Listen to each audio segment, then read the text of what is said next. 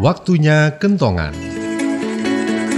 Kabut asap akibat kebakaran hutan dan lahan tidak hanya berdampak buruk bagi lingkungan, namun juga menjadi ancaman serius bagi kesehatan. Untuk menghadapi dampak buruk akibat kabut asap, lakukan hal berikut ini. Hindari aktivitas di luar rumah atau gedung, terutama bagi mereka yang menderita penyakit jantung dan gangguan pernapasan.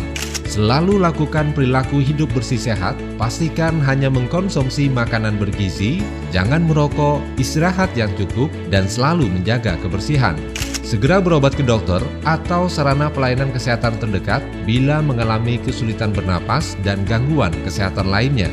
Untuk mencegah kontaminasi asap dan debu kebakaran hutan pada bahan pangan, maka penampungan air minum dan makanan harus terlindung dengan baik.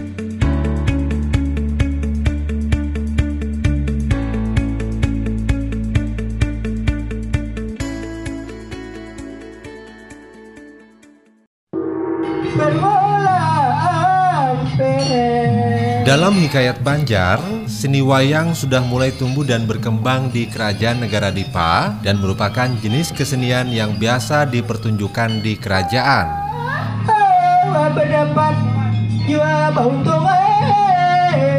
Secara fisik, wayang kulit Banjar berukuran lebih kecil dibandingkan dengan wayang kulit Jawa atau lebih mendekati ukuran wayang kulit Bali.